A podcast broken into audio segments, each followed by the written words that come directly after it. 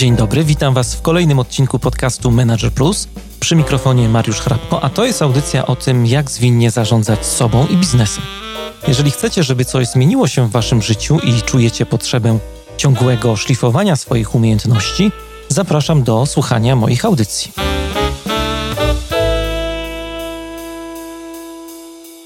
To jest podcast Manager Plus. Dzisiaj w audycji będziemy rozmawiali o temacie arcyważnym w życiu każdego lidera o samoświadomości. Czym jest ta samoświadomość, dlaczego jest właśnie taka ważna, jak nad nią pracować. No a na końcu odcinka e, wspólnie z gościem przygotowaliśmy taką małą, bardzo atrakcyjną niespodziankę.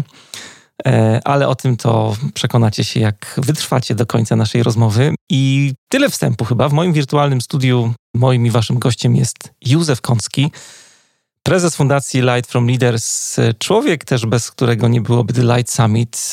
To jest takie miejsce bardzo ciekawe, związane z Krakowem.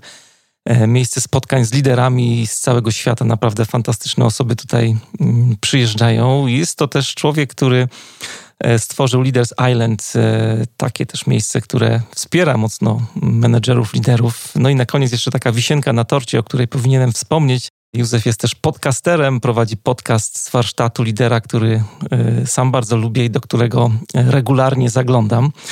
No i myślę, że w końcu dobrnąłem do końca w tym przedstawieniu. Witam Cię, Józefie, bardzo serdecznie. Dzień dobry, cześć Mariuszu. Witam naszych słuchaczy. Czy coś powinienem dodać do tego jeszcze?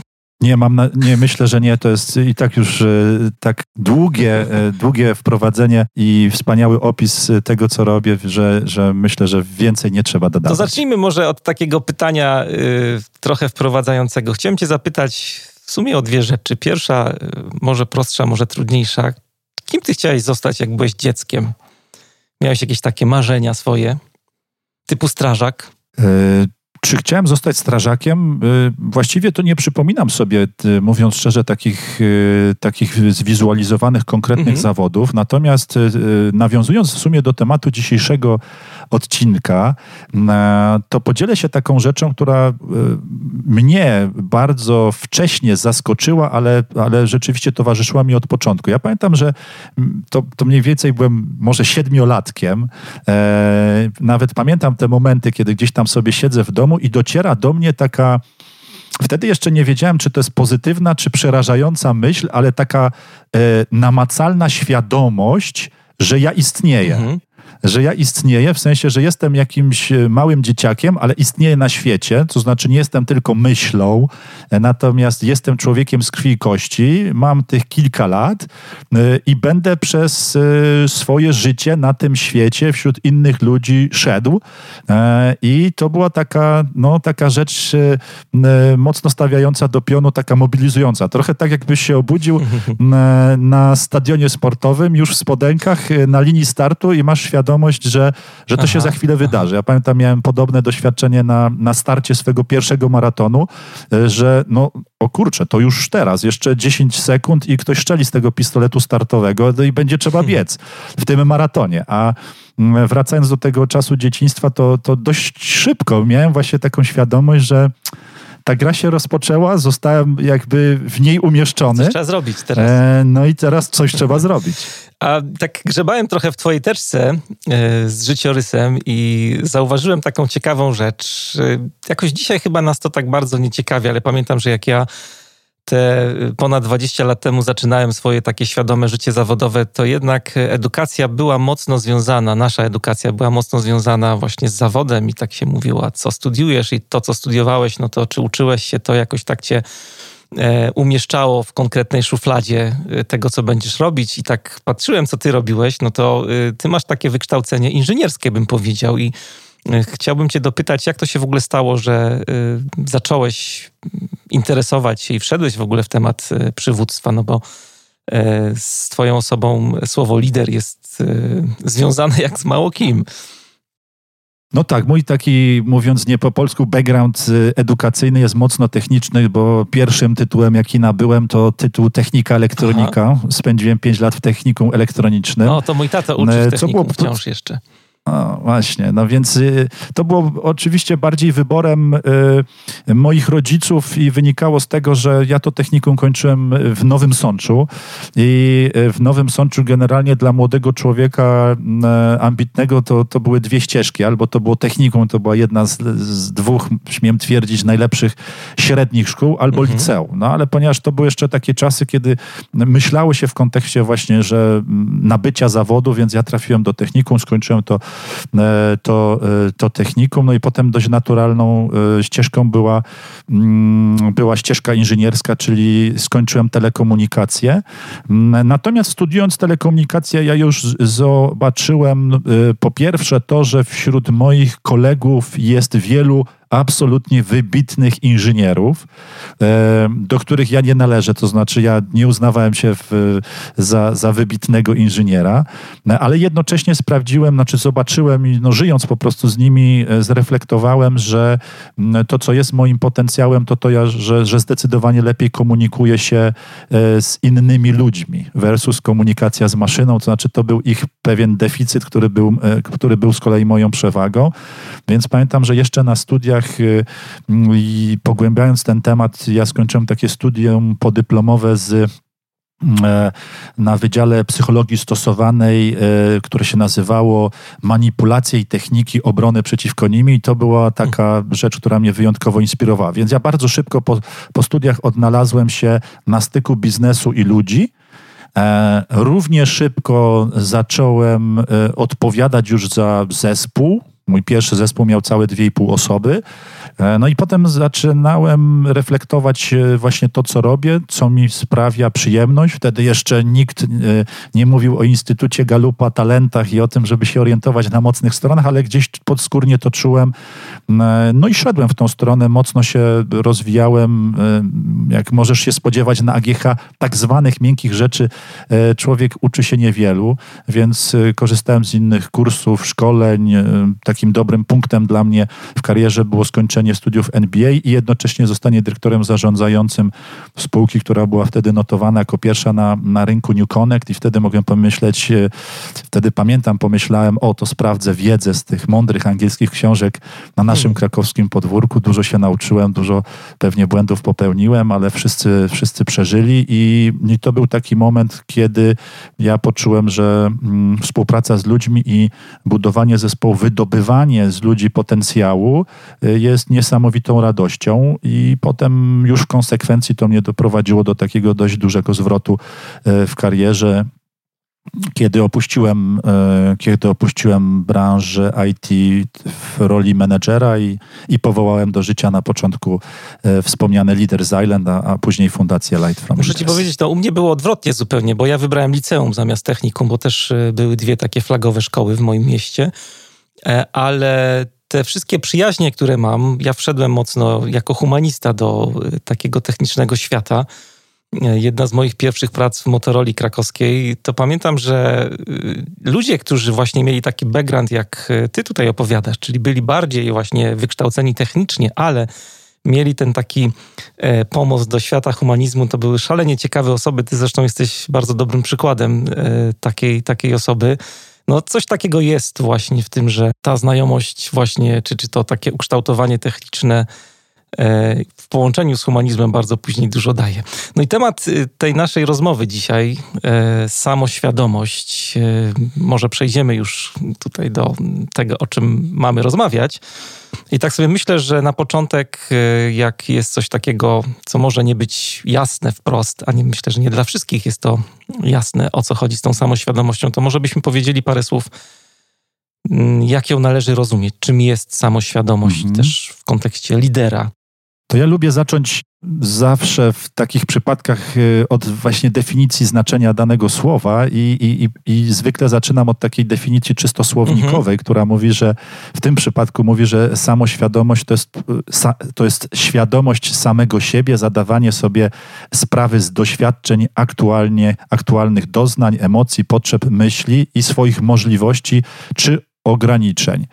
E, jest to po prostu, jest to także e, pojmowanie e, idei samego siebie. To jest taka definicja czysto słownikowa, encyklopedyczna. Jest pewien aspekt psychologiczny tego słowa, który mówi, że samoświadomość siebie tu i teraz może prowadzić do rozpoznania wzorców i mechanizmów działania oraz ich przyczyn, co pozwala niekiedy na uwolnienie się od na przykład złych zachowań czy zaburzonych zachowań przez zrozumienie ich funkcji i znaczenia. E, idąc od tej wiedzy encyklopedycznej poprzez psychologiczną dochodzimy do aspektu liderskiego, menedżerskiego, który myślę słuchaczy najbardziej interesuje. I tutaj dla mnie ta samoświadomość to jest taki, no z perspektywy czasu mogę powiedzieć, że znak firmowy dobrych liderów, dobrych menedżerów, e, którzy wiedzą, czego chcą, rozumieją, dlaczego chcą to, czego chcą, mają plan działania, to znaczy wiedzą, co im, w jaki sposób E, i poprzez co będą w stanie zdobyć e, ten cel, do którego dążą.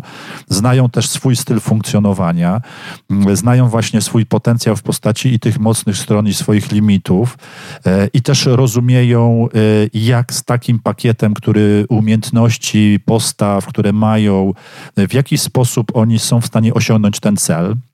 Czyli jak się, mówiąc trochę językiem, e, językiem sportowym, jak się ustawić na mhm. boisku, na jakiej -hmm. pozycji.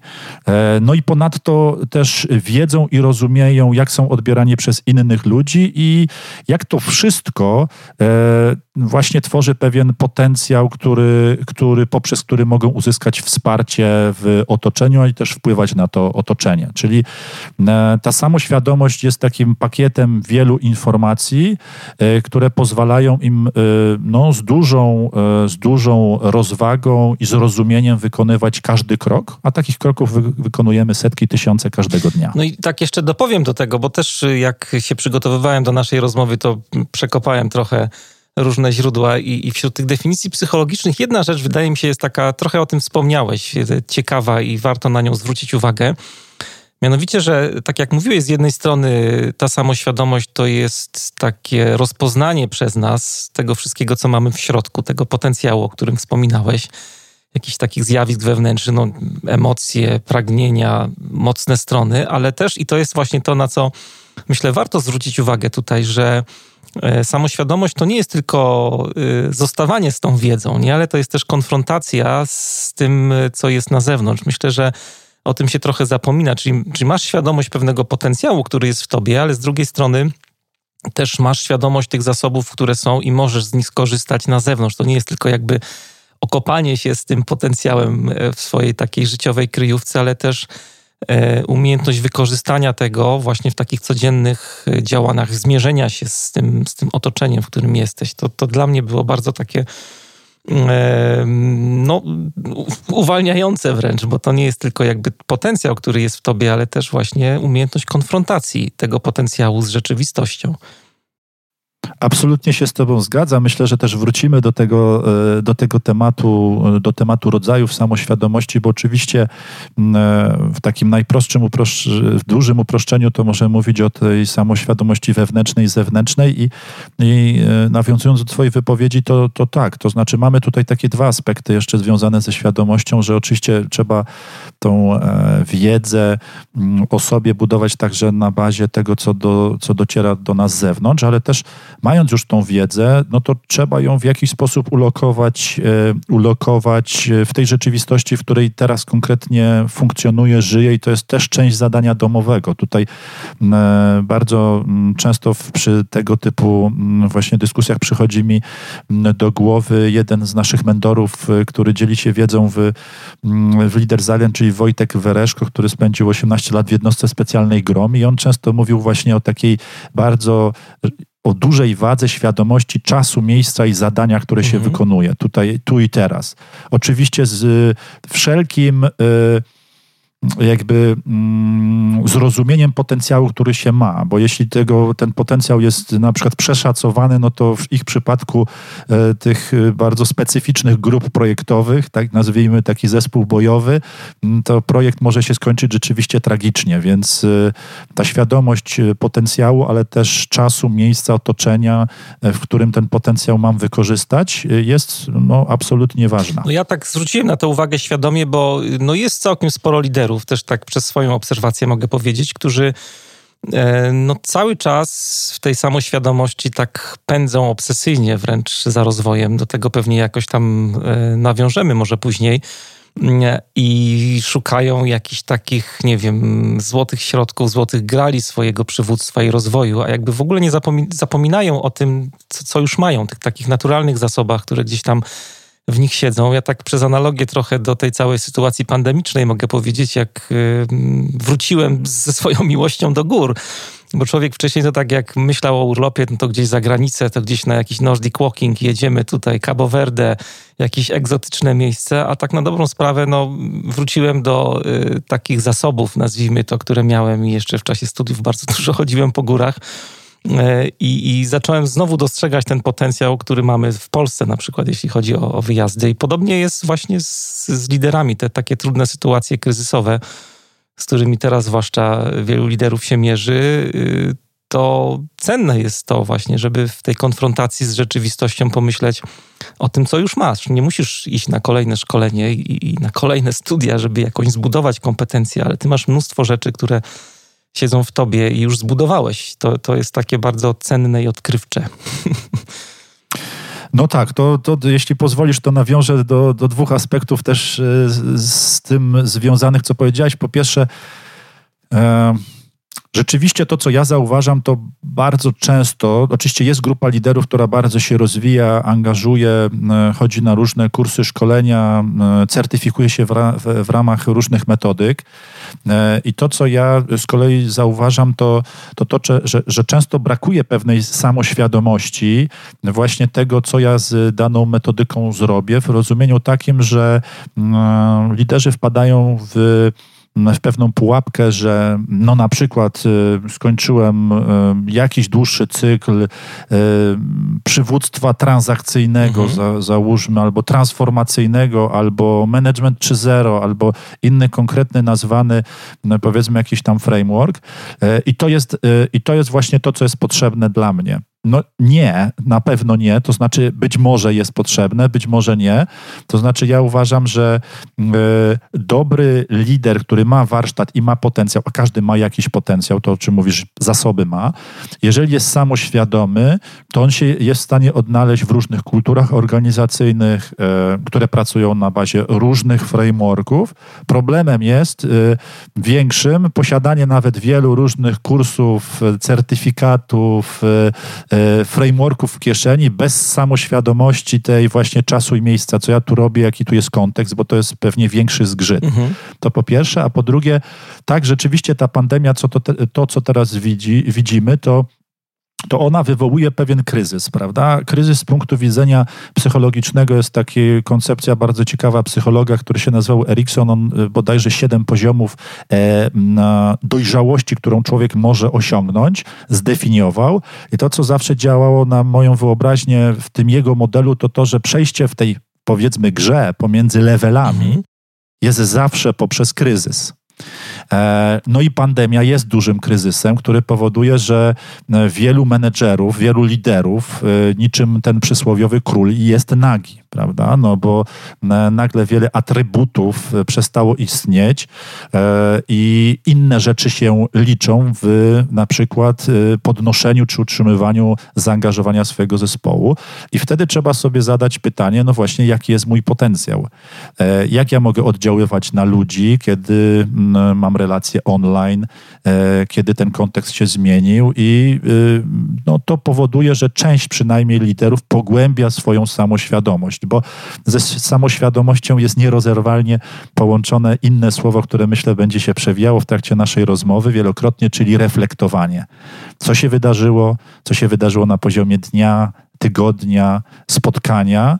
E, I na pewno pandemia u części e, ludzi, a więc także i liderów, e, uruchomiła dużo większą refleksyjność. I myślę, że dzięki temu jest możliwe zupełnie inne postrzeganie kryzysu. Nie? Kryzys nie jest czymś, co nas jakoś tam zostawia mm, zdewastowanymi, ale kryzys to jest coś takiego, co nam pozwala też rozkwitać, że osoby, które e, mają taką autorefleksję, czy, czy są w stanie się zatrzymać e, w tym swoim biegu życia, też liderzy, to dochodzą wcześniej czy później do wniosku na zasadzie właśnie tej autorefleksji, że po przejściu takiego kryzysu, mm, no, ja jestem jakiś taki wewnętrznie mocniejszy, to mnie jakoś rozwinęło poradziłem sobie z tym, wykorzystując na przykład potencjał, który, który mam.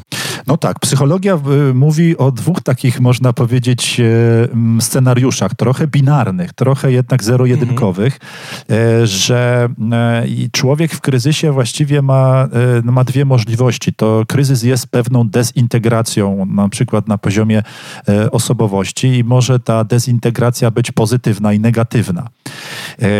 My bardzo na przykład w Leaders Island wierzymy w to, że człowiek się rozwija poza strefą komfortu, więc wierzymy w taką oczywiście kontrolowaną dezintegrację e, i dużo naszych warsztatów jest poza strefą komfortu e, uczestników. I tak jest z kryzysem. To znaczy, o ile ten kryzys wywołuje taką dezintegrację, która jest pozytywna, czyli ja się w cudzysłowie, tak mówiąc kolokwialnie, rozsypuje, bo y, pojawiła się pandemia, lęki, różne inne rzeczy i ja muszę się odnieść, spozycjonować troszeczkę na nowo w tej rzeczywistości, E, po czym się składam e, i wtedy jestem mocniejszy, to to jest bardzo dobry scenariusz.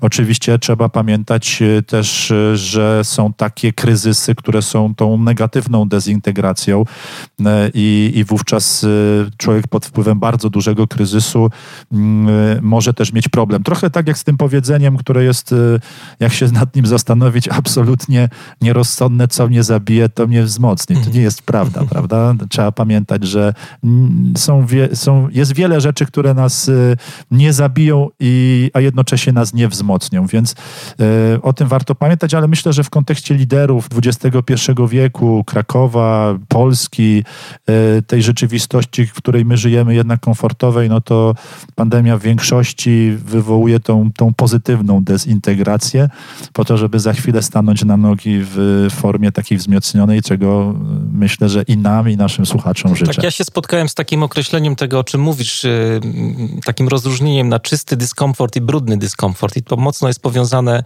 e, z pracą z emocjami, bo samoświadomość to też, ty wspominałeś o mocnych i takich słabych stronach, ale to też jest, e, tak sobie myślę, dostrzeganie czy umiejętność dostrzegania emocji, a praca z emocjami w kontekście życia lidera to też jest taki gruby temat E, ale to, co chciałem powiedzieć, że my najczęściej właśnie tak te emocje mm, odbieramy albo skupiamy się tylko na takich emocjach pozytywnych, a totalnie jakoś tak nie mamy przepracowanego podejścia do tych emocji negatywnych. Ja, ja wolę używać plusa i minusa, bo to też wtedy nie wartościuje tak bardzo tych emocji.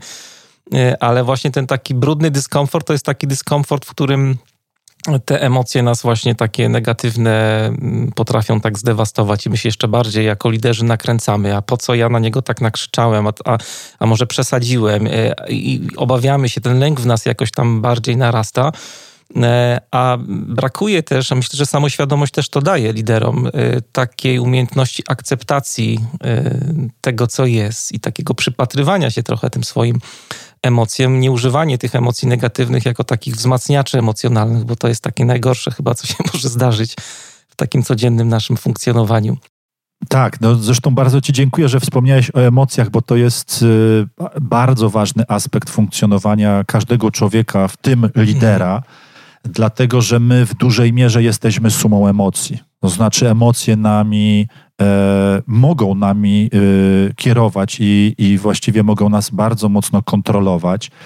My w takim e, no, jednym z kluczowych programów do rozwijania liderów e, w aspekcie komunikacyjnym, e, czyli na przykład warsztacie Komunikacja to Twoja praca, między innymi właśnie pokazujemy ludziom, jak emocje absolutnie w procesie komunikacji przejmują kontrolę nad nimi. Bardzo często uczestnicy to są nawet od, od początkującego lidera do, do prezesa z 20-letnim doświadczeniem przyznają się do tego, że kiedy im włączymy te emocje, a potrafimy to zrobić, e, to oni nie pamiętają tej rozmowy. E, potem, kiedy ją widzą nagraną, to, no to właściwie są zażenowani, co powiedzieli. E, I tego absolutnie nikt nas niestety nie uczy. To widzimy też w takiej smutnej prawdzie, nad którą warto się zastanowić, że kiedy troch, w troszeczkę innym ćwiczeniu wywołujemy emocje, a potem prosimy, żeby e, uczestnicy zapisali te emocje, które przeżyli, mhm. E, dając im naprawdę no, szereg przymiotników, to w większości menedżer, menedżerowie, liderzy nie są w stanie nazwać emocji, które przeżyli przed chwilą. Nie są w stanie. To jest trochę jak z kolorami, tym kawałem, że mężczyzna widzi tam dwa, trzy kolory, prawda?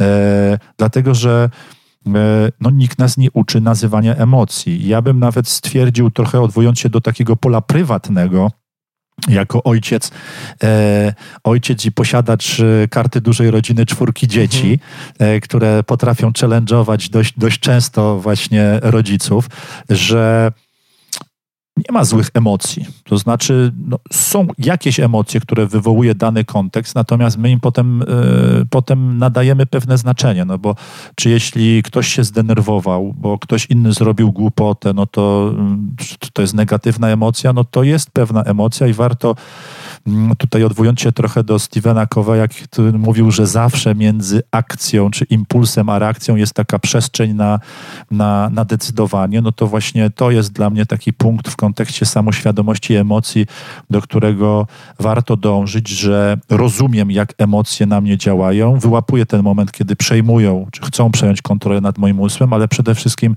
świadomie reaguję na sytuację, e, nie przez pryzmat emocji, bo w kontekście roli lidera to jest bardzo ważna rzecz. To jest bardzo ważna rzecz, żeby mm, e, to e, nie tylko emocje, a przynajmniej nie wprost, tak zero-jedynkowo, żeby nie decydowały o naszej reakcji na współpracowników w zespole. No, ten cytat Kaweja na mnie też kiedyś zrobił ogromne wrażenie i, później pamiętam, że dotarłem do takiego e, modelu psychologicznego pana Elisa. Taki model, który ma bardzo prostą nazwę, model ABC. I mniej więcej to jest to, o czym powiedziałeś, czyli A i C to jest właśnie jakieś zdarzenie A, które wywołuje jakąś reakcję C, ale między tym zdarzeniem a naszą reakcją jest właśnie ten bufor, to B, w którym dzieją się bardzo różne rzeczy. I jeśli chodzi o emocje, to, y, dużo tutaj jakby zależy od nas właśnie i, i tego, czy, czy my potrafimy siebie jakoś tak bardziej poobserwować. Bo jak zostaniemy na długo w tym takim, w tej takiej skrzynce B, z tymi naszymi emocjami czy negatywnymi emocjami, to nasz mózg bardzo szybko potrafi e, negatywnie też nas oceniać, nie? bo na przykład y, na pewno gdzieś tam pojawia się sporej części z nas, y, jak myślimy o jakichś takich negatywnych emocjach, że te emocje negatywne są jakąś oznaką słabości albo na przykład, nie wiem, zagrażają jakoś naszemu zdrowiu. Jeżeli czujemy, no nie wiem, strach albo gniew, to ze mną jest coś nie tak. Jak jestem liderem i się złoszczę na przykład na jakąś sytuację w projekcie, no nie powinienem, przecież ja jestem tutaj, powinien być autorytetem dla tych ludzi. Dlaczego ja w ogóle czuję gniew na to, że nam projekt jakoś się nie udał, albo że jakiś tam Janek yy, no, robi coś wbrew grupie, wbrew zespołowi, yy, albo jak wyrażam jakieś zbyt silne emocje, to jest oznaka tego, że tracę, tracę nad sobą panowanie. I ta narracja w naszej głowie trwa. E, I, I, myślę, że samoświadomość, o której dzisiaj rozmawiamy, to jest y, w dużym stopniu też praca nad tym B, nad tą skrzynką e, tego, co, co nas, nasz mózg, właśnie nasz umysł w zasadzie z nami robi, właśnie jak bardzo się jesteśmy w stanie uwikłać mhm. w te fantazje, takie różne scenariusze, oceny, które mamy różnych sytuacji. Tego się nie da uniknąć całkowicie pewnie, ale można sporo z nich y, wyeliminować albo sobie jakoś ułatwić życie, mówiąc tak sobie myślę, że na przykład ta sytuacja jest trudna i muszę z nią coś zrobić. To już jest taka rzecz, która no mnie na przykład bardzo pomaga, jak, jak y, nie wiem, mam jakieś takie, ja myślę, że każdy z nas ma różne takie e, czarne myśli, czasami negatywne, związane z załatwieniem jakiegoś kryzysu, poradzeniem sobie z jakąś decyzją, bo pracujemy przecież na co dzień z ludźmi, to już takie powiedzenie sobie, tak sobie myślę, że Tomek e, jest złym człowiekiem, bardzo teraz wyolbrzymiam to, już pokazuje, że to jakby nie jestem ja, ale to są te myśli, które są właśnie w tej skrzynce e, B, o której mówimy. Tak, oczywiście ja, jakby ja nie jestem swoimi emocjami. Myślę, że mamy na szczęście ten czas za sobą w kontekście większości firm, szczególnie w branży, w której my funkcjonujemy, nowych technologii, kiedy mm, e, jakby rozumie się, e, że człowiek jest e, emocjonalny. I ten czas takiego też oldschoolowego zarządzania, kiedy uważano się, uważano, że mamy pracowników, których wynajmujemy w cudzysłowie na te 8 godzin, oczekujemy od nich, żeby byli wręcz humanoidem, mhm. który jest pozbawiony emocji, ma być radosny, zadowolony, chętny do pracy i jeśli ma jakieś problemy, to niech je przeżywa po godzinie 17, jest nierealne, no bo jakby powiedzmy wprost, osoba, która nie przeżywa emocji, no to na przykład jest, jest to psychopata, który jest, która, która jest jednostką chorobową i to jest osoba, która ma wyłączone emocje. No, jakby nie, nie, nie, nie, nie pracujemy e, zwykle z ludźmi chorymi czy, czy zaburzonymi, więc no, jakby te emocje trzeba wziąć pod uwagę. To jest na pewno e, ważny element samoświadomości. Dużo mówimy tutaj o, o, tej samoświadomości, o różnych takich aspektach y, tego pojęcia, tak szkicując trochę obszar, na którym się tutaj poruszamy. E, powiedz parę słów o tym, y, jak z tą samoświadomością liderzy mogą pracować. Co można zrobić, żeby ją wzmacniać, żeby w ogóle zauważać, że coś takiego mamy, jak samoświadomość. Mhm. To y, jak najbardziej o tym powiem, y, może jeszcze na, nawiążę do takiego y, tematu właściwie po co menedżerowi jest ta samoświadomość, prawda? Znaczy oprócz tego, że menedżer jest, jest człowiekiem, no to dodatkowo jeszcze jest, y, jest w roli, określonej roli lidera, czy w pełni funkcję lidera lub, lub menedżera. I y, troszkę odpowiadając na Twoje pytanie, nawiążę do mm, y, jednej z ciekawych osób, z którą mam okazję współpracować, miałem okazję się poznać, czyli do Chrisa Luneya. To jest człowiek, który jest bardzo doświadczonym liderem. On był dyrektorem zarządzającym e, JP Morgan na trzech e, kontynentach. Był naszym gościem na wspomnianym przez Ciebie wydarzeniu The Light Summit w 2019 roku. Chris jest dla mnie takim kontakcie osobistym, absolutnym uosobieniem, właściwie stuprocentowym pojęcia servant leadership. To znaczy to, jak się komunikuje, rozmawia, jaki, jaki jest, jakie ma postawy, jest naprawdę wzorcem tego określenia. Natomiast on napisał e, bardzo dobrą książkę, która się nazywa Heroiczne Przywództwo, które w ramach niespodzianki e, e, przygotowałem jako pierwszą nagrodę dla naszych słuchaczy. Właśnie książkę Chrisa Lowney'a Heroiczne Przywództwo z jego autografem. I on, w, on właśnie w, w tej książce między innymi mówi, że E, ta samoświadomość jest absolutnie kluczowa dla, dla lidera, bo stanowi fundament jego, jego sukcesu i to wymaga, aby, i tu dochodzimy do, do kilku takich rekomendacji, co robić. E, wymaga, aby uznać, tutaj cytuję Chrisa, uznać siebie za utalentowanego, zidentyfikować balast obciążający osobowość i um, uniemożliwiający pełną realizację potencjału, wyartykułować cele i ambicje, które są osobistą motywacją, powiedzieć nie dryfowaniu, e, a w zamian żyć w zgodzie z osobistym poczuciem magii, określić na czym nam zależy oraz jaki wpływ chcemy wywrzeć, rozwijać światopogląd służący interakcji z innymi i wyrobić sobie, i to jest myślę jedna z odpowiedzi na Twoje pytanie, wyrobić sobie nawyk uaktualniania siebie w sposób regularny. To jest codziennie w zakresie wszystkich powyższych punktów. Więc odpowiadając na Twoje pytanie, y, jak pogłębiać samoświadomość, y, reflektować i ten nawyk uaktualniania y, jest absolutnie kluczowy. I tutaj każdy może to realizować na różne sposoby.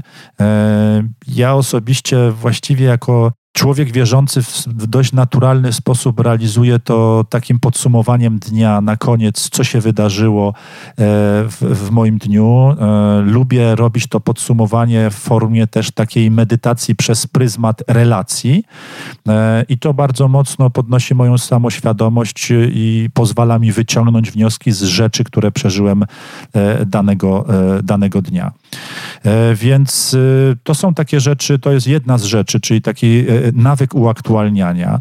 E, a oprócz tego są takie rzeczy, które można, możemy wykonać jako lider, powiedzmy, dość, dość punktowo. E, to znaczy, nawiążę teraz do tego cytatu, kiedy e, w momencie, kiedy Chris mówił, żeby określić, na czym, zam, na czym nam zależy oraz to, jaki wpływ chcemy wywrzeć. I tutaj się tutaj nawiążę do naszego doświadczenia z rozwoju wspierania liderów w ramach takiego, e, w ramach procesu, który, który my mamy nazwany Leading a Winning Team. I w tym procesie my często korzystamy z analogii trenerskich, bo one bardzo e, łatwo otwierają sportowych, tak, w sensie przechodzimy na taką analogię, prosząc, żeby lider czy menedżer wyobraził sobie, że jest po prostu trenerem, trenerką dowolnego sportu, sportu byle zespołowego, wiele refleksji przychodzi dość, dość automatycznie. I Między innymi zadajemy im takie pytania, to zastanów się, e, drogi liderze, no na przykład, co ty robisz w tym klubie, w którym jesteś? E,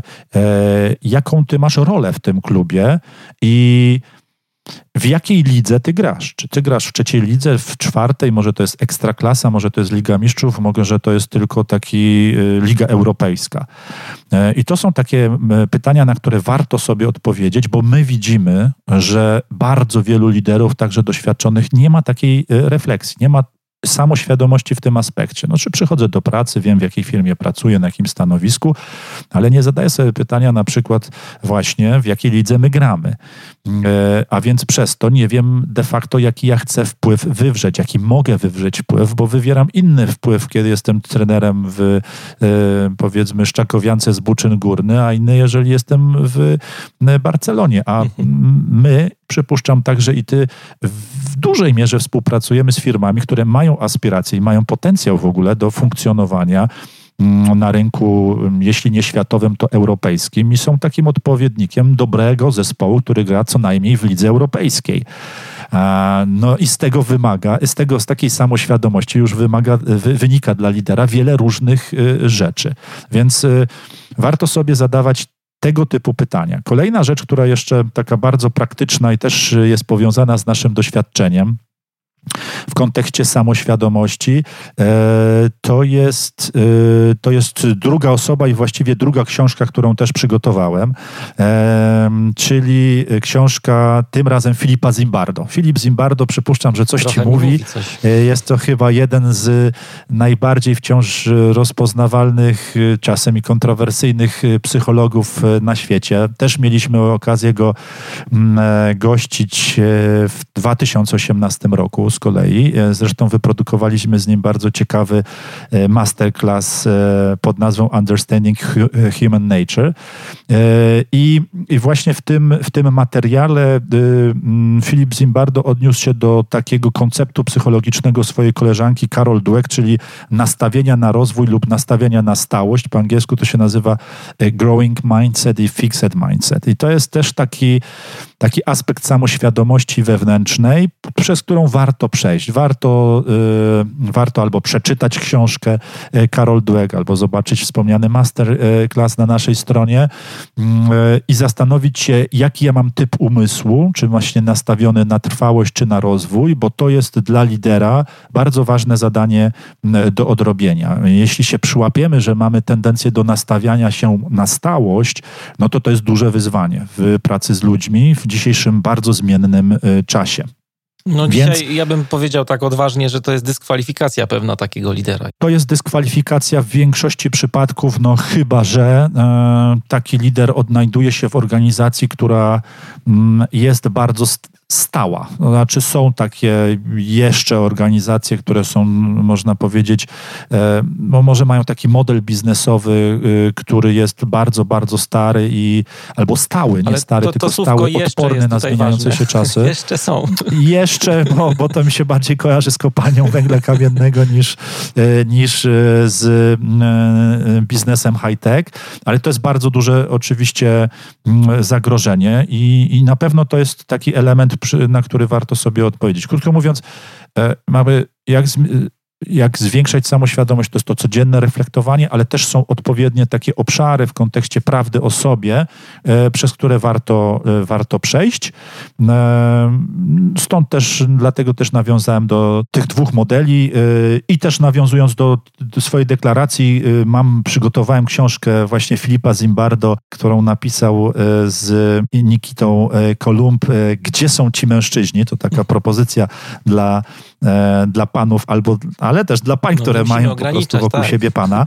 E, nie ograniczamy. To jest też e, książka, którą e, mam z autografem Filipa Zimbardo, który jest absolutnie fenomenalnym człowiekiem w kontakcie i jak patrzę na niego jako na człowieka po osiemdziesiątce i każda nasza interakcja mnie przekonuje, że to jest bardzo samoświadomy człowiek, który przechodził właśnie z tą taką dużą refleksją o sobie przez, i przechodzi przez, przez życie. Ta pierwsza książka, którą, którą wywołałeś, to dla mnie to było bardzo duże zaskoczenie. Ja ją kiedyś tak capnąłem do koszyka już nawet nie pamiętam gdzie, heroiczne przywództwo, bo bardzo mnie zaintrygował pomysł sam w ogóle napisania tej książki. Mianowicie ty tam nie wspominałeś o tym za dużo, ale to jest książka o przywództwie, która jakby per analogiam jest przywództwem, e, których, na temat którego jakby pomysły są zaczerpnięte z takiej firmy, jak to Launi nazywa, firmy, która istnieje już ponad 450 lat, a chodzi tutaj o jezuitów, o zakon jezuitów. W ogóle to jest bardzo... Towarzystwo Jezusowe, dokładnie tak. E, tak, to wynika z tego, że Chris ma bardzo ciekawy e, epizod w swojej, e, w swojej biografii, bo zanim zrobił wielką karierę w świecie światowego biznesu, finansjery, to prawie, że został jezuitą, prawda? Więc on jednak stwierdził, że to nie jest droga dla niego i jak wrócił, przeszedł na, na emeryturę, wyszedł z biznesu, choć właściwie to ciężko powiedzieć o emeryturze, bo teraz Chris jest w Radzie Nadzorczej mm, e, największej sieci szpitali w Stanach Zjednoczonych, e, która jest siecią szpitali mm, e, katolickich, więc ten czas pandemii jest dla nich bardzo gorący. Natomiast jak wrócił, jakby wyszedł z tego świata finansów, to właśnie zadał sobie jako człowiek korporacji takie ciekawe pytanie, co było w Ignacym y, Jololi i jego 11 y, kumplach takiego, że oni byli w stanie rozwinąć się do właściwie obecności na całym świecie, nie tracąc swojej mocy i inspirować i wpływać na losy całego świata przez wieki, prawda? Z czego oni czerpali tą moc i autoryzację. I e, nie patrzy na nich tylko jako człowiek wierzący na ludzi wierzących, tylko patrzy jako człowiek korporacji na korporację. Tak, i to jest właśnie to. I to, to jest, jest bardzo książka, ciekawa refleksja. Jeżeli ktoś się obawia, że tam będzie jakaś taka indoktrynacja religijna, bo wiem, że są takie osoby, to absolutnie nie. To jest książka, która, tak jak e, mówisz, potrafi wyciągnąć tą esencję i bardziej zainspirować się pewnymi pomysłami, które które są właśnie w, w zakonie jezuitów. Na przykład taka, taka rzecz, o której już trochę wspomniałeś, tylko tego nie nazwałeś, te punkty, jak pracować z samoświadomością, to dość zaskakujący zabieg poczynił. E, Chris mianowicie mm, pokazał, jak wygląda praca z ćwiczeniami duchowymi Ignacego Loyoli. To jest też taka metoda pracy, która jest bardzo specyficzna dla takiego rozwoju duchowego dla, dla jezuitów. I w zasadzie krok po kroku jakbyście sobie wzięli te ćwiczenia duchowe i tą instrukcję, która tam jest, no to macie gotowy pomysł na to, jak pracować e, z samoświadomością. Tak jest, tak jest. No, no, to był człowiek, który właśnie no, jakby u fundamentów swojej organizacji bardzo mocno postawił na samoświadomość. E, dodajmy, że e, na świecie dzisiaj jezuita jest, kończy swoją formację po 13 latach formacji, prawda? To jest bardzo długi okres. I, ale z drugiej strony jest, jest potem człowiekiem, który potrafi zapalać innych do pewnych idei. E, więc no, tutaj dochodzimy w sumie też do takiej ciekawej ciekawej rzeczy, że no większość rzeczy, które robimy w życiu, które coś tworzą, coś budują, jest procesem, jeśli nie wszystkie. Podobnie jak samoświadomość. To, jakby to, to nie jest stan, który osiągamy przez weekend po przeczytaniu książki Samoświadomość dla opornych, albo i ty będziesz samoświadomy po weekendzie, albo 14 kroków do samoświadomości. To mówimy o procesie, który będzie trwał do kiedy? No mam nadzieję, do, do zawsze, zawsze, bo tutaj zachęcam y, y, naszych czytel, słuchaczy do, do zadania sobie pytania, potraktowania siebie jako, jako produkt, do popatrzenia na siebie jako na produkt i, i odpowiedzi na pytanie, czy ja w lustrze widzę produkt w swojej skończonej wersji, już w takiej finalnej. Myślę, że nikt nie odpowie tak, to jest finalna wersja, jednak y, mm, to jest wersja w trakcie tworzenia. Jesteśmy produktem w trakcie tworzenia i życzę wszystkim, żeby, żeby ten proces trwał do ostatniego wdechu i, i też y, zanim idzie, jemu towarzyszy pogłębianie samoświadomości. To jest taki produkt agile'owy. Tutaj mamy sporo słuchaczy, którzy są fanami zwinnego podejścia do pracy, do przywództwa czyli taki produkt, który ciągle można y, jakby korygować, usprawniać, on się w zasadzie rozwija tak jak mówisz, e, do końca naszych dni. On cały czas empirycznie powstaje. E, ale myślę, że warto w ten sposób podejść do, do siebie jako lidera i mieć czas na taką autorefleksję, bo efekt jest tutaj bardzo taki korzystny dla nas, mianowicie my stajemy się bardziej sobą. To jest taka rzecz, którą też sobie warto uświadomić. My jesteśmy bardziej autentyczni jako liderzy ja już nie chcę tutaj ostatni, ostatni zabieg, taki związany z książką, którą wywołałeś, bo też y, duże wrażenie na mnie zrobiła, ale chciałbym nawiązać do takiego jednego mm, profesora, którego y, Chris tam wymienia, Josefa Badarako. On jest profesorem z Harvard Business School, też taka osoba, która y, wykłada na INSEADzie. To jest taka mekka wszystkich liderów. Jeżeli ktokolwiek słyszał o tym miejscu, to trzeba dużo zapłacić, żeby stać się tam takim liderem po, po studiach w INSEADzie.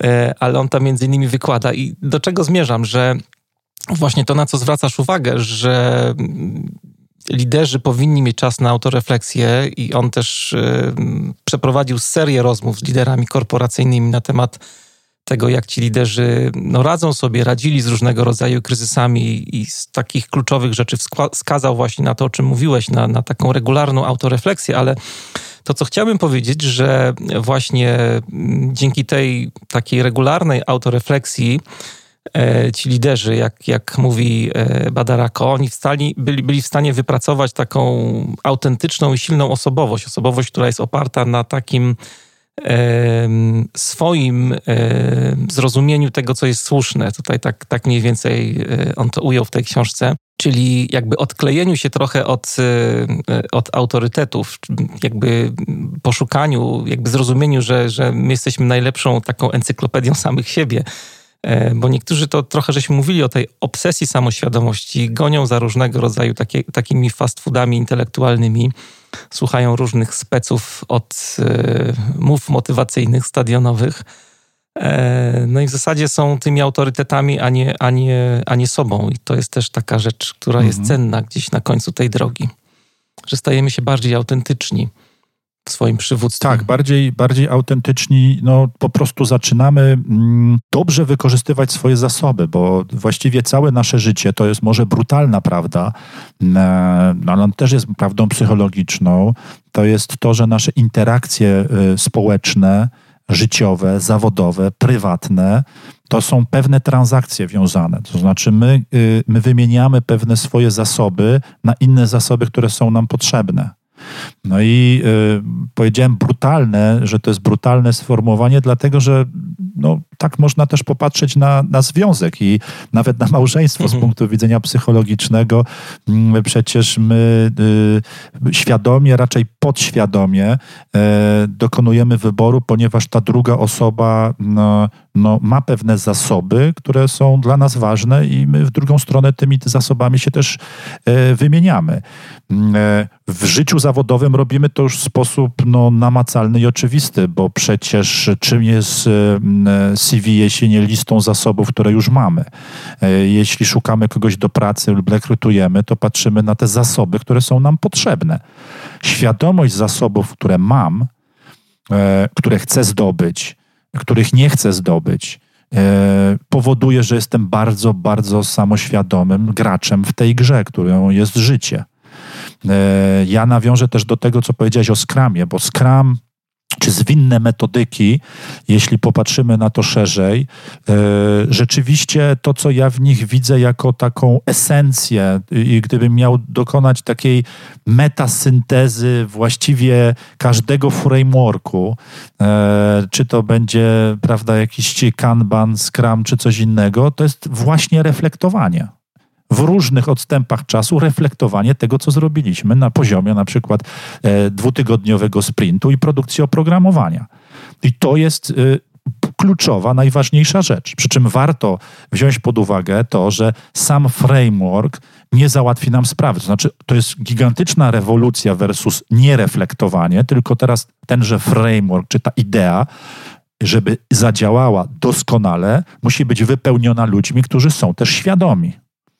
No bo na przykład w takim skramie musimy być świadomi tego, że na przykład e, ja takiemu product ownerowi muszę asertywnie odmówić, że jednak tego nie dołożymy do, do sprintu e, i na przykład jestem świadomy, że mam taką, a nie inną osobowość, jest mi ciężko odmawiać, ale z racji roli odpowiedzialności za proces muszę to zrobić. Jeżeli takiej świadomości nie mam, to ja ten sprint rozciągnę, dorzucę i właściwie spowoduje, że, że będzie czystą fikcją.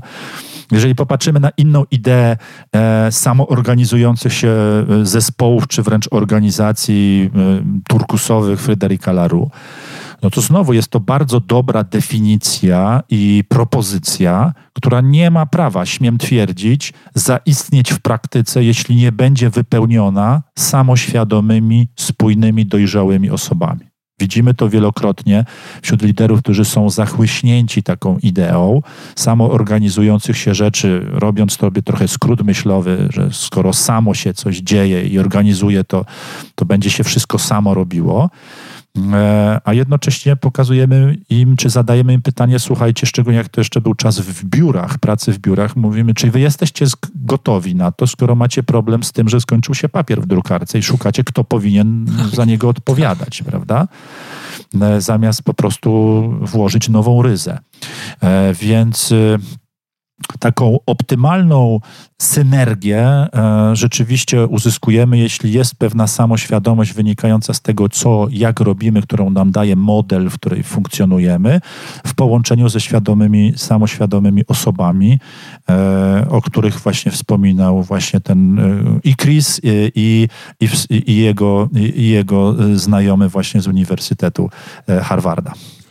Bardzo się cieszę, że wyciągnąłeś to y, porównanie właśnie też tego produktu agile'owego do y, jakby rozwoju lidera. Ja też myślę, że na końcu drogi sam dla mnie to było duże odkrycie, jak tak pracowałem z zespołami y, zwinnymi, pracowaliśmy nad produktami, później pojawił się agile w organizacji, a teraz coraz więcej się namyślam nad tym właśnie, że tak na dobrą sprawę e, zwinność to jest też pewien taki koncept bardzo mocno antropologiczny, że mm, będąc takim liderem zwinnym, taki, który potrafi e, autoreflektować, jakby w metodach zwinnych jest to część całego procesu, patrzenie na siebie w ogóle jako proces, a nie taki gotowy produkt, o którym wspomniałeś, to prowadzi też do tego, że no, jeśli chodzi o takie umiejętności współczesnych liderów, to ja bym to też tak trochę podpatrując Agile'a, powiedział, że taką rzeczą, którą się liderzy muszą nauczyć, to jest framing, bo Scrum jest frameworkiem, czyli wyznacza pewne takie obszary do pracy. Tak jak ta analogia ze sportem, od której żeśmy trochę zaczęli, o której opowiadałeś, to co robicie właśnie w swojej organizacji, też pracując z liderami. E, no takim frameworkiem jest boisko na przykład, nie? I cała reszta, to co wszystko się dzieje w jak, jak ta drużyna wskoczy na to boisko, tego się nie da dodefiniować. Nie? Trzeba trochę właśnie na zasadzie też samoświadomości siebie i, i, zespołu mm, odgadnąć, e, odegrać na tym boisku. I framing jako kompetencja liderów mhm. współczesnych, myślę, że to jest taka dość, dość istotna rzecz, no bo trzeba się uczyć w biegu, trzeba się też nauczyć podejmowania szybko decyzji w, bez takiego czasami dużego wsparcia, przy niekompletności danych nie ma też takich sytuacji, do których się można odnieść, żeby porównać, jak coś działało w przeszłości. No bo te sytuacje są tak bardzo złożone dzisiaj, że po prostu jest trudno coś takiego zrobić. No i framing wydaje mi się, że to jest taki kierunek rozwoju współczesnych liderów bez samoświadomości się tego nie da zrobić, tak jak powiedziałeś. Tak, i tutaj ten, e, ta analogia sportowa, ona mm, doskonale się sprawdza, dlatego że sam Scrum jako, jako nawet nazwa, prawda, pochodzi od, od konkretnej e, figury w, w sporcie zespołowym, jakim jest rugby. Natomiast e, zwróć uwagę, że zanim świat zachłysnął się, czy świat IT bardziej Scrumem i podejściem zwinnym, to ono zawsze funkcjonowało w sportach zespołowych. Znaczy jest e, integralną częścią każdej dyscypliny sportowej, e, dlatego że nieważne, czy mówimy o hokeju, piłce nożnej, koszykówce, e, jeśli mamy co tydzień mecz, to mamy nowe otwarcie. Ten mecz się wydarzył, zwykle jest innym składem, bo mamy kontuzje, bo mamy żółte kartki i tak dalej. I za tydzień mamy kolejny mecz, a pomiędzy meczami mamy czas na wyciągnięcie i zreflektowanie tego, co się wydarzyło. Jeśli tego nie robimy, no to nikt chyba nie wyobraża sobie, że taki zespół jest w stanie osiągnąć coś.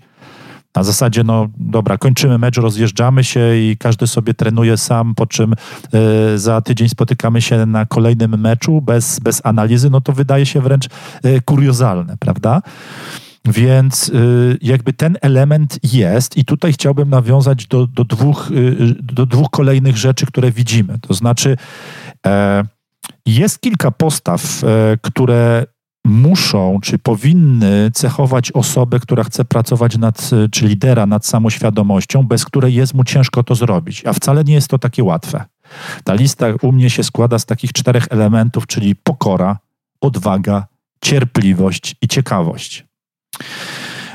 I zacznijmy od pierwszego, bo pokora jest y, no, taką cechą, którą można powiedzieć, jej zawartość w organizmie przeciętnego lidera nie jest na bardzo wysokim poziomie. Ja uważam, że to jest trochę jak z witaminą D. My mamy bardzo duże niedobory pokory bo mm, troszeczkę ta rola, czy pewien taki y, społeczny jak to powiedzieć, uznanie związane z rolą powoduje, że ta pokora czasem maleje u lidera, a bez niej nie jestem w stanie się rozwijać, bo nie jestem w stanie uznać, że ja się mogę rozwijać, albo że powinienem się rozwijać, że mam aspekty do, do rozwoju. Y, żeby się rozwijać, trzeba być też odważnym. To widzimy mm, choćby właśnie u nas po, po warsztatach, które mamy, które, tak powiedziałem, są mocno często poza strefą komfortu i e, trzeba mieć trochę odwagi, żeby na przykład jako prezes zarządu przyjść na warsztat, gdzie no, po 15 minutach król będzie nagi. E, trzeba mieć też cierpliwość do tego, żeby chcieć pracować nad sobą, bo praca nad sobą jest procesem. To jest jedno z też z moich ulubionych słów. E, nie ma drogi na skróty. Naprawdę, no, człowiek, który jest zapuszczony fizycznie, nie jest w stanie w ciągu tygodnia się przygotować ani miesiąca, ani trzech kwartałów, znaczy kwartału może tak, bo trzech to już, e, do przebiegnięcia maratonu. My często żyjąc w kulturze instant e, mamy takie łudy, że, że to będzie możliwe. Nie, to jest, wymaga bardzo dużej cierpliwości, żeby na przykład w momencie, kiedy jestem już samoświadomy pewnej cechy, ją skorygować. E, dorośli ludzie, e, mamy na przykład takich liderów, którzy, e, z którymi współpracujemy, których rozwijamy, którzy też dzielą się taką bardzo cieszącą nas refleksją, że na przykład interakcja z, z naszą propozycją, z tym jak działamy, spowodowała, że zaczęli pracować nad sobą, zaczęli na przykład pracować też psychoterapeutycznie, no, na przykład walcząc ze swoją depresją albo walcząc z jakąś jedną, drugą przypadłością. Mariusz, człowiek dorosły potrafi kilka lat pracować nad jednym aspektem, prawda? Z terapeutą, korygując sobie jedną rzecz. To jest, y, to wymaga bardzo dużej cierpliwości, ale też ciekawości. Natomiast e, druga rzecz związana ze sportem, o której chcę powiedzieć, to jest to, co też zauważam, jest wielkim, wielką zaletą takich sportowców, e, a jest deficytem menedżerów, liderów, że w sporcie charakterystyczne szczególnie dzisiaj jest to, że jak już odegrałeś mecz, y, poszedłeś do szatni, wróciłeś do domu, to no, łatwo możesz ten mecz zobaczyć. A jak y, jesteś ciekawy, to go zobaczysz. Mhm. Jak nie jesteś ciekawy, to ci go trener pokaże, pokazując właśnie, no, gdzie byłeś, a gdzie powinieneś być, gdzie taktyka nie została zachowana i tak dalej. My bardzo często widzimy, że naprawdę fantastyczni menedżerowie, fantastyczni liderzy dopiero mając 30 lat, 40 lat, 50 lat, są po raz pierwszy w sytuacji, w którym ktoś im pokazał ich samych, dał im ich samych w takiej formie, że są w stanie zobaczyć tego człowieka z boku i dopiero wtedy uruchomić samorefleksję, samoświadomość. Bardzo lubię powiedzenie, że jeśli stoisz w ramię, nie widzisz obrazu. Jeśli chcesz być samoświadomy, musisz mieć nawyk wychodzenia z ramy. To jest y, właśnie ten dyskomfort, z którego my korzystamy, w, rozwijając liderów w Leaders Island. I, I, to jest takie z jednej strony cieszące, cieszy nas to, jak ludzie mówią, Boże, ten człowiek, którego ja zobaczyłem przez ostatnich ileś dni, on mnie denerwuje, on mnie irytuje, ja już ja w ogóle nie chcę z nim współpracować, a to ja. Czemu ja nie zobaczyłem tego no właśnie, 30, tak. 25 lat temu, prawda?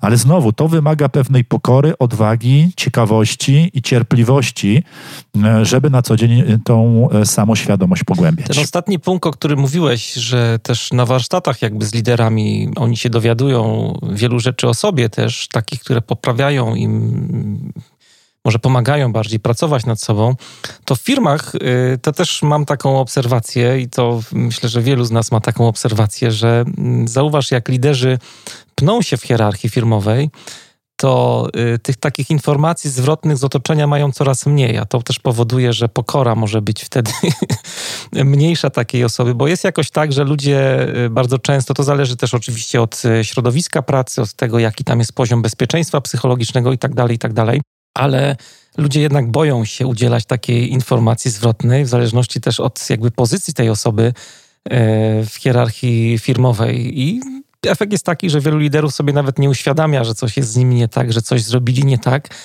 E, myślą, że wszystko jest ok. Ja ostatnio e, rozmawiałem z taką e, liderką, można powiedzieć, niższego szczebla, która powiedziała bardzo fajnej rzeczy i, i, i powiedziałem, że to jest rzecz do pozazdroszczenia i gratuluję w ogóle środowiska, które mają pracy, że ona była w stanie pójść do swojego szefa i powiedzieć, że on jest za bardzo.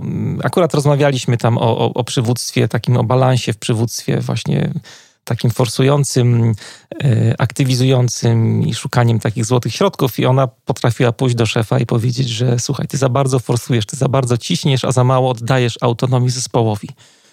E, I no, wielu z nas pewnie w firmach nie byłoby w stanie się zdobyć na taką odwagę w ogóle, o której tutaj trochę mówisz. E, bo nie ma też takich warunków zapewnionych przez liderów, żeby taka odwaga mogła kwitnąć u innych i też dzięki tej odwadze moglibyśmy siebie sami też rozwijać. Mhm. No tak, masz absolutnie rację i ten kontekst, w którym funkcjonujemy, on jest bardzo ważny, bo to nie jest tak, że właśnie lider może, mm, e, może być niechętny do rozwoju, tylko jeśli jest pozbawiony informacji zwrotnej, no to, no to funkcjonuje troszeczkę w próżni. I tutaj e, nawiązujemy, można nawiązać do właśnie tej samoświadomości zewnętrznej i wewnętrznej. Ten przypadek, o którym mówisz, to jest taki przypadek, który jest w literaturze nazywany typem typem introspektywnym, mm. czyli to jest taki człowiek, który ma dużą, może mieć dużą wewnętrzną samoświadomość. On może mieć przepracowane wszystkie swoje procesy, odrobione wszystkie zadania domowe, o których powiedzieliśmy. On jasno rozumie, kim jest, nie kwestionuje, ale właśnie nie kwestionuje swoich poglądów, nie szuka w nich słabych punktów, dlatego że nie pozyskuje informacji zwrotnej e, od innych osób. I to może bardzo istotnie wpłynąć na jego relacje z, z ludźmi i no i niestety ograniczyć możliwość e, powiedzmy sukcesu czy skuteczności w danej organizacji na pewnym etapie, bo po prostu zaczynasz działać trochę bez, bez takiej grawitacji, która jest e, no właśnie siłą, która cię cały czas jakoś tam pozycjonuje. Więc to nie jest tak, że warto też podkreślić, że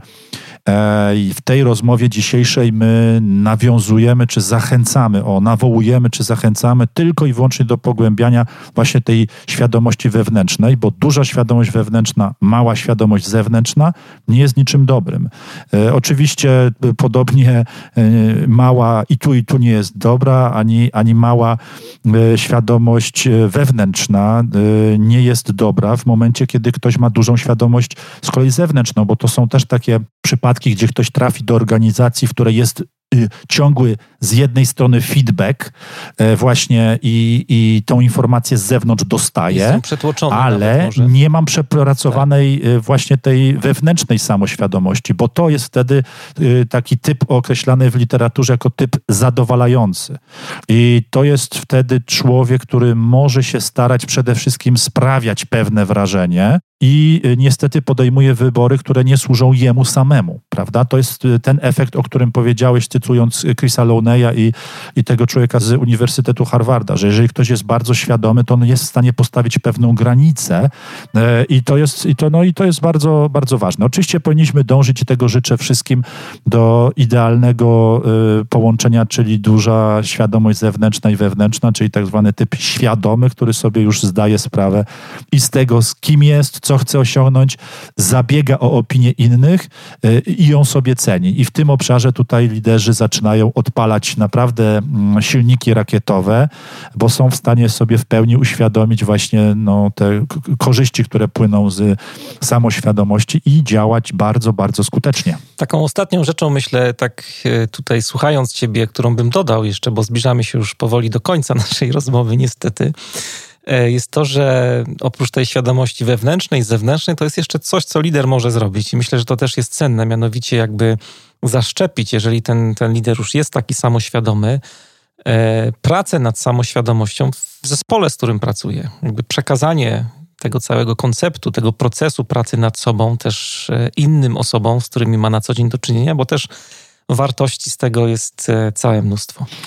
Tak, jak najbardziej. No to ten zespół jest pewnym lustrem, prawda, w którym można się y, przejrzeć, y, więc y, absolutnie to jest, to jest punkt odniesienia.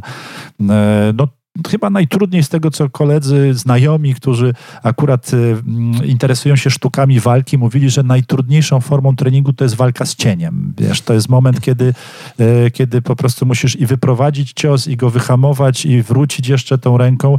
I to mi trochę taka funkcjonowanie bez informacji zwrotnej właśnie y, wiąże się z taką permanentną walką z cieniem. To jest wykańczające i nikomu do, nie służy.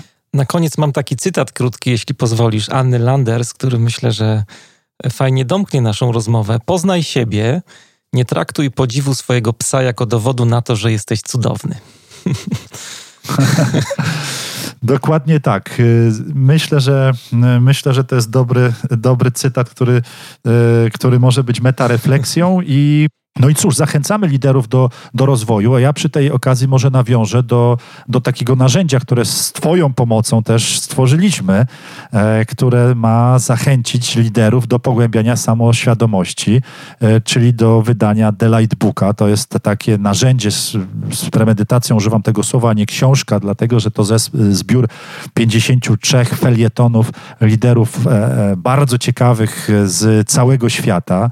Mamy tutaj topowych psychologów, psychologów, liderów e, e, z właśnie różnych kontynentów, których poprosiliśmy o to, żeby w formie krótkiego felietonu podzielili się jedną konkretną sytuacją, którą przeżyli, chyba że to są właśnie naukowcy, jak na przykład Robert Cialdini, e, światowy autorytet od wpływu, co go zainspirowało.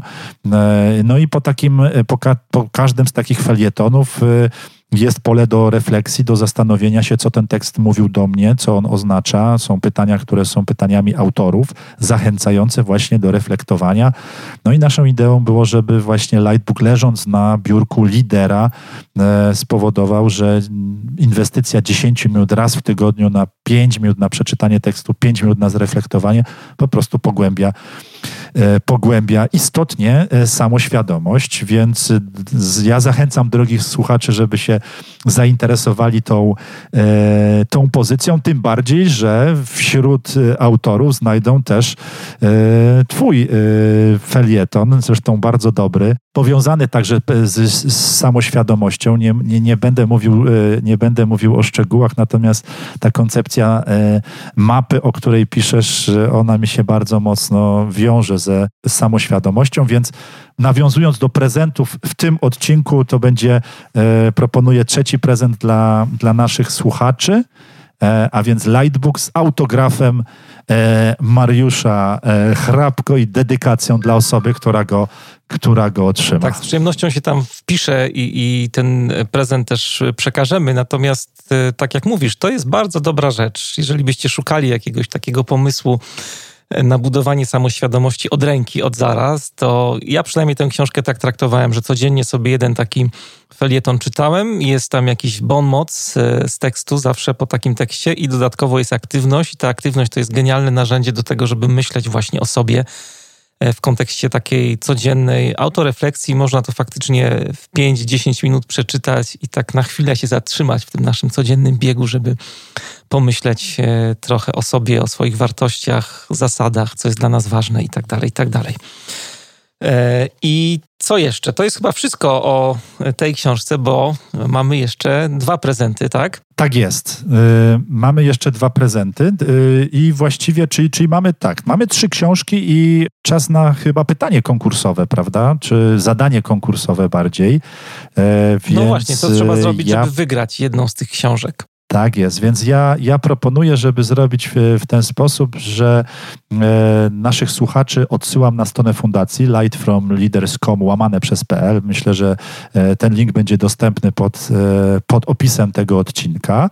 E, proszę wejść, e, zobaczyć wszystkich 53 autorów edycji Lightbook 2021 i pytanie czy bardziej e, otwarte pytanie brzmi, który, e, który z tych autorów, e, poza Mariuszem, który, który, którego umieszczamy na pole position, który z autorów pozostałych jest dla ciebie najbardziej inspirujący i dlaczego? I myślę, że trzy osoby, które udzielą najciekawszych, najbardziej intrygujących odpowiedzi spośród tych te trzy osoby e, nagrodzimy trzema nagrodami, czyli e, tak jak powiedziałem, The Lightbook z autografem i dedykacją e, Twoją, Mariuszu, książka Chrisa Louneya z autografem i książka Filipa Zimbardo również z autografem. Konkurs potrwa do czwartku tradycyjnie i w piątek w komentarzu do tego wpisu ogłosimy wyniki. Oczywiście nie wiem, czy to wybrzmiało, ale na Wasze odpowiedzi czekamy tutaj pod odcinkiem e,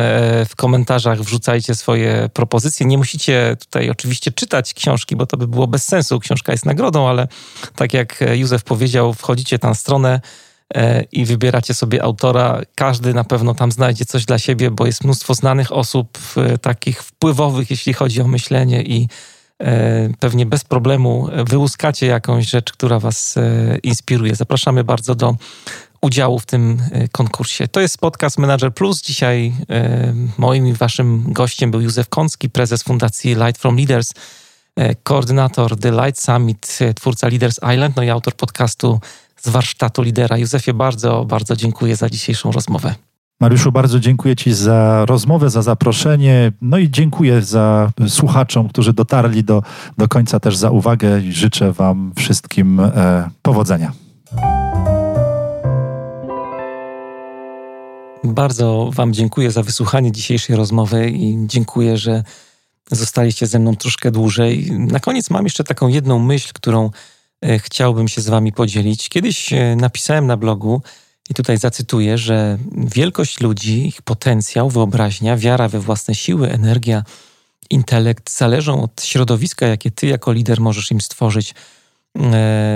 E, Myślę, że te słowa są prawdziwe nie tylko w kontekście budowania i rozwijania zwinnych zespołów, bo wtedy w tym artykule akurat o tym pisałem, ale w ogóle także w kontekście naszego e, osobistego rozwoju. I e, na koniec dzisiaj e, pozwolę sobie powiedzieć o kilku takich punktach, które sobie wynotowałem, które myślę, że są ważne, jeśli chodzi o tworzenie takiego miejsca, takiego środowiska, które będzie sprzyjało waszemu rozwojowi Pierwsza rzecz, pierwszy punkt, na który chciałbym zwrócić uwagę, to jest to, że w takim środowisku powinieneś otaczać się ludźmi, którzy są lepsi od ciebie. Oczywiście e, to, to, to lepszy nie jest tutaj takim yy, może udanym sformułowaniem, powinniśmy go wziąć w, cudzysłów, no ale jest tak, że jeżeli będziesz się po prostu otaczał ludźmi, od których no, możesz się czegoś nauczyć, to będziesz też szybciej się rozwijał i będziesz szybciej wzrastał.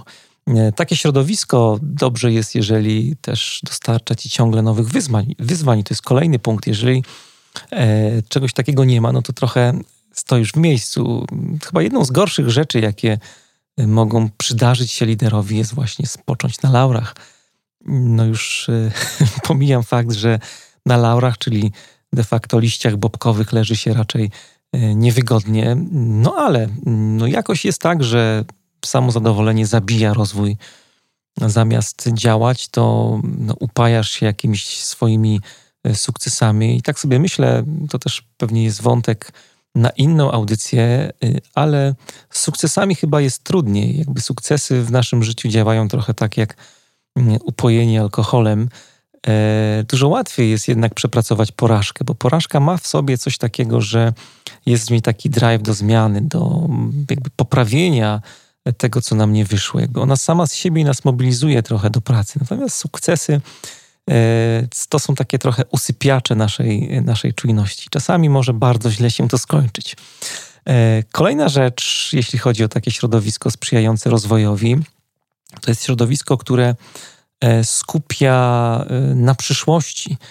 Myślenie o przeszłości jest trochę tak jak wspominanie dobrych, dawnych czasów. No ja na przykład Lubię sobie wspominać jakieś fajne wędrówki po górach albo super spotkania z przyjaciółmi. Każdy z nas ma co wspominać, te takie fajne chwile, które spędzamy w różnych miejscach, w różnym czasie. E, I to samo w sobie nie jest złe, ale no jednak zamyka nas na nowe możliwości i doświadczenia. E, tracimy z oczu cel i po prostu zostajemy tam, gdzie byliśmy. Więc środowisko, które skupia nas, nasze myślenie na przyszłości, jest bardzo cenne. I to jest też takie środowisko, które y, powinno dbać, zapewniać jakąś taką odpowiednią atmosferę y, otwartości, akceptacji, bo rozwój no, jednak wymaga odpowiedniego klimatu, y, klimatu zaufania, klimatu poczucia bycia zrozumianym, poczucia takiej niezależności, niezależności myślenia, ale też dokonywania wyborów, decyzji, wyrażania swoich opinii. To są takie rzeczy, takie warunki, które bardzo mocno sprzyjają mm, osobistej zmianie. I chciałbym jeszcze zwrócić uwagę na dwie cechy takiego środowiska. Mianowicie, że takie środowisko powinno być środowiskiem, w którym jakoś tak naturalnie wychodzisz ze swojej strefy komfortu, bo no, najwyższa motywacja pojawia się w przypadku takich zadań, E, którym ledwo możemy sprostać. I tutaj jest e, mnóstwo różnych badań na ten temat. W psychologii zjawisko to nosi nazwę e, prawa Jerkesa Dodsona mm, i jest to prawo, które opisuje taki mm, idealny poziom pobudzenia fizjologicznego jako taki punkt, który jest punktem pośrednim między no, nudą i niepokojem. Komfort zabija w nas ambicję. Jest jednak tak, że wzrost, rozwój, E, wymagają e, podejmowania z naszej strony różnego rodzaju ryzyk.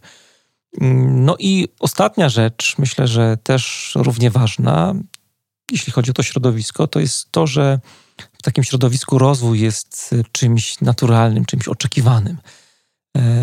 Jesteś częścią jakiejś społeczności, która oczekuje od ciebie, że będziesz się rozwijał że właśnie nie spoczniesz na laurach, kiedy otaczasz się właśnie takimi ludźmi, którzy jakby motywują cię trochę do zmiany, do rozwoju, no to ten taki potencjał wszystkich członków tej społeczności jest faktycznie realizowany. Dlaczego ja w ogóle na koniec o tym wszystkim tutaj dzisiaj mówię? Mówię o tym dlatego, że gdy jakiś czas temu, to było dokładnie we wrześniu ubiegłego roku, e, wspólnie z Olą myśleliśmy, a nawet wcześniej, o stworzeniu takiej wirtualnej platformy rozwojowej dla liderów Agile Leadership Tribe. E, od czasu do czasu wspominam o tej platformie tutaj w podcaście.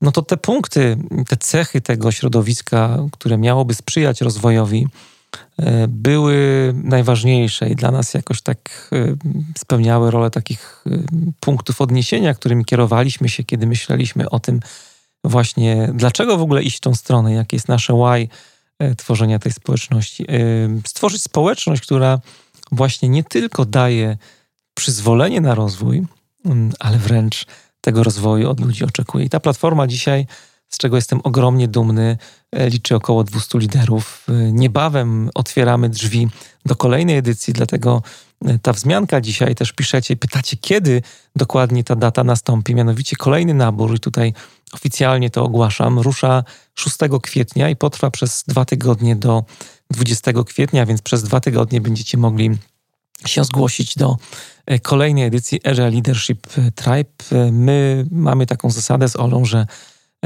tych naborów nie ma mm, zbyt dużo w ciągu roku. Myślę, że tak około trzech się pojawi w tym, w tym obecnym roku.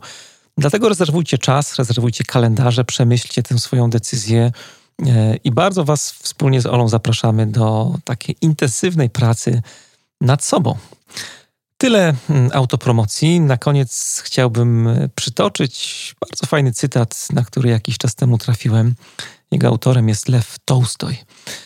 Wszyscy myślą o zmienianiu świata, ale nikt nie myśli o zmienianiu siebie. Ja się nazywam Mariusz Hrabko, trzymajcie się i do usłyszenia niebawem.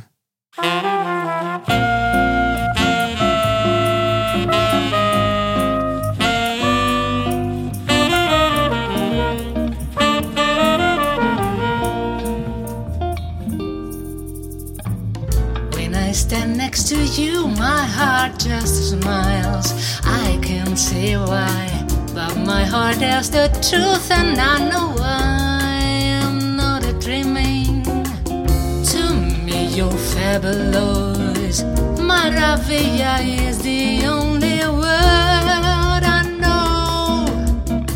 Flying high as a bird and touch the sky. Can't believe you came here to dance with me swing with me on that samba that blows inside my heart. It's unmistakably clear. Love is what I'm feeling for you. My heart is swinging of joy. This is maravilla to me.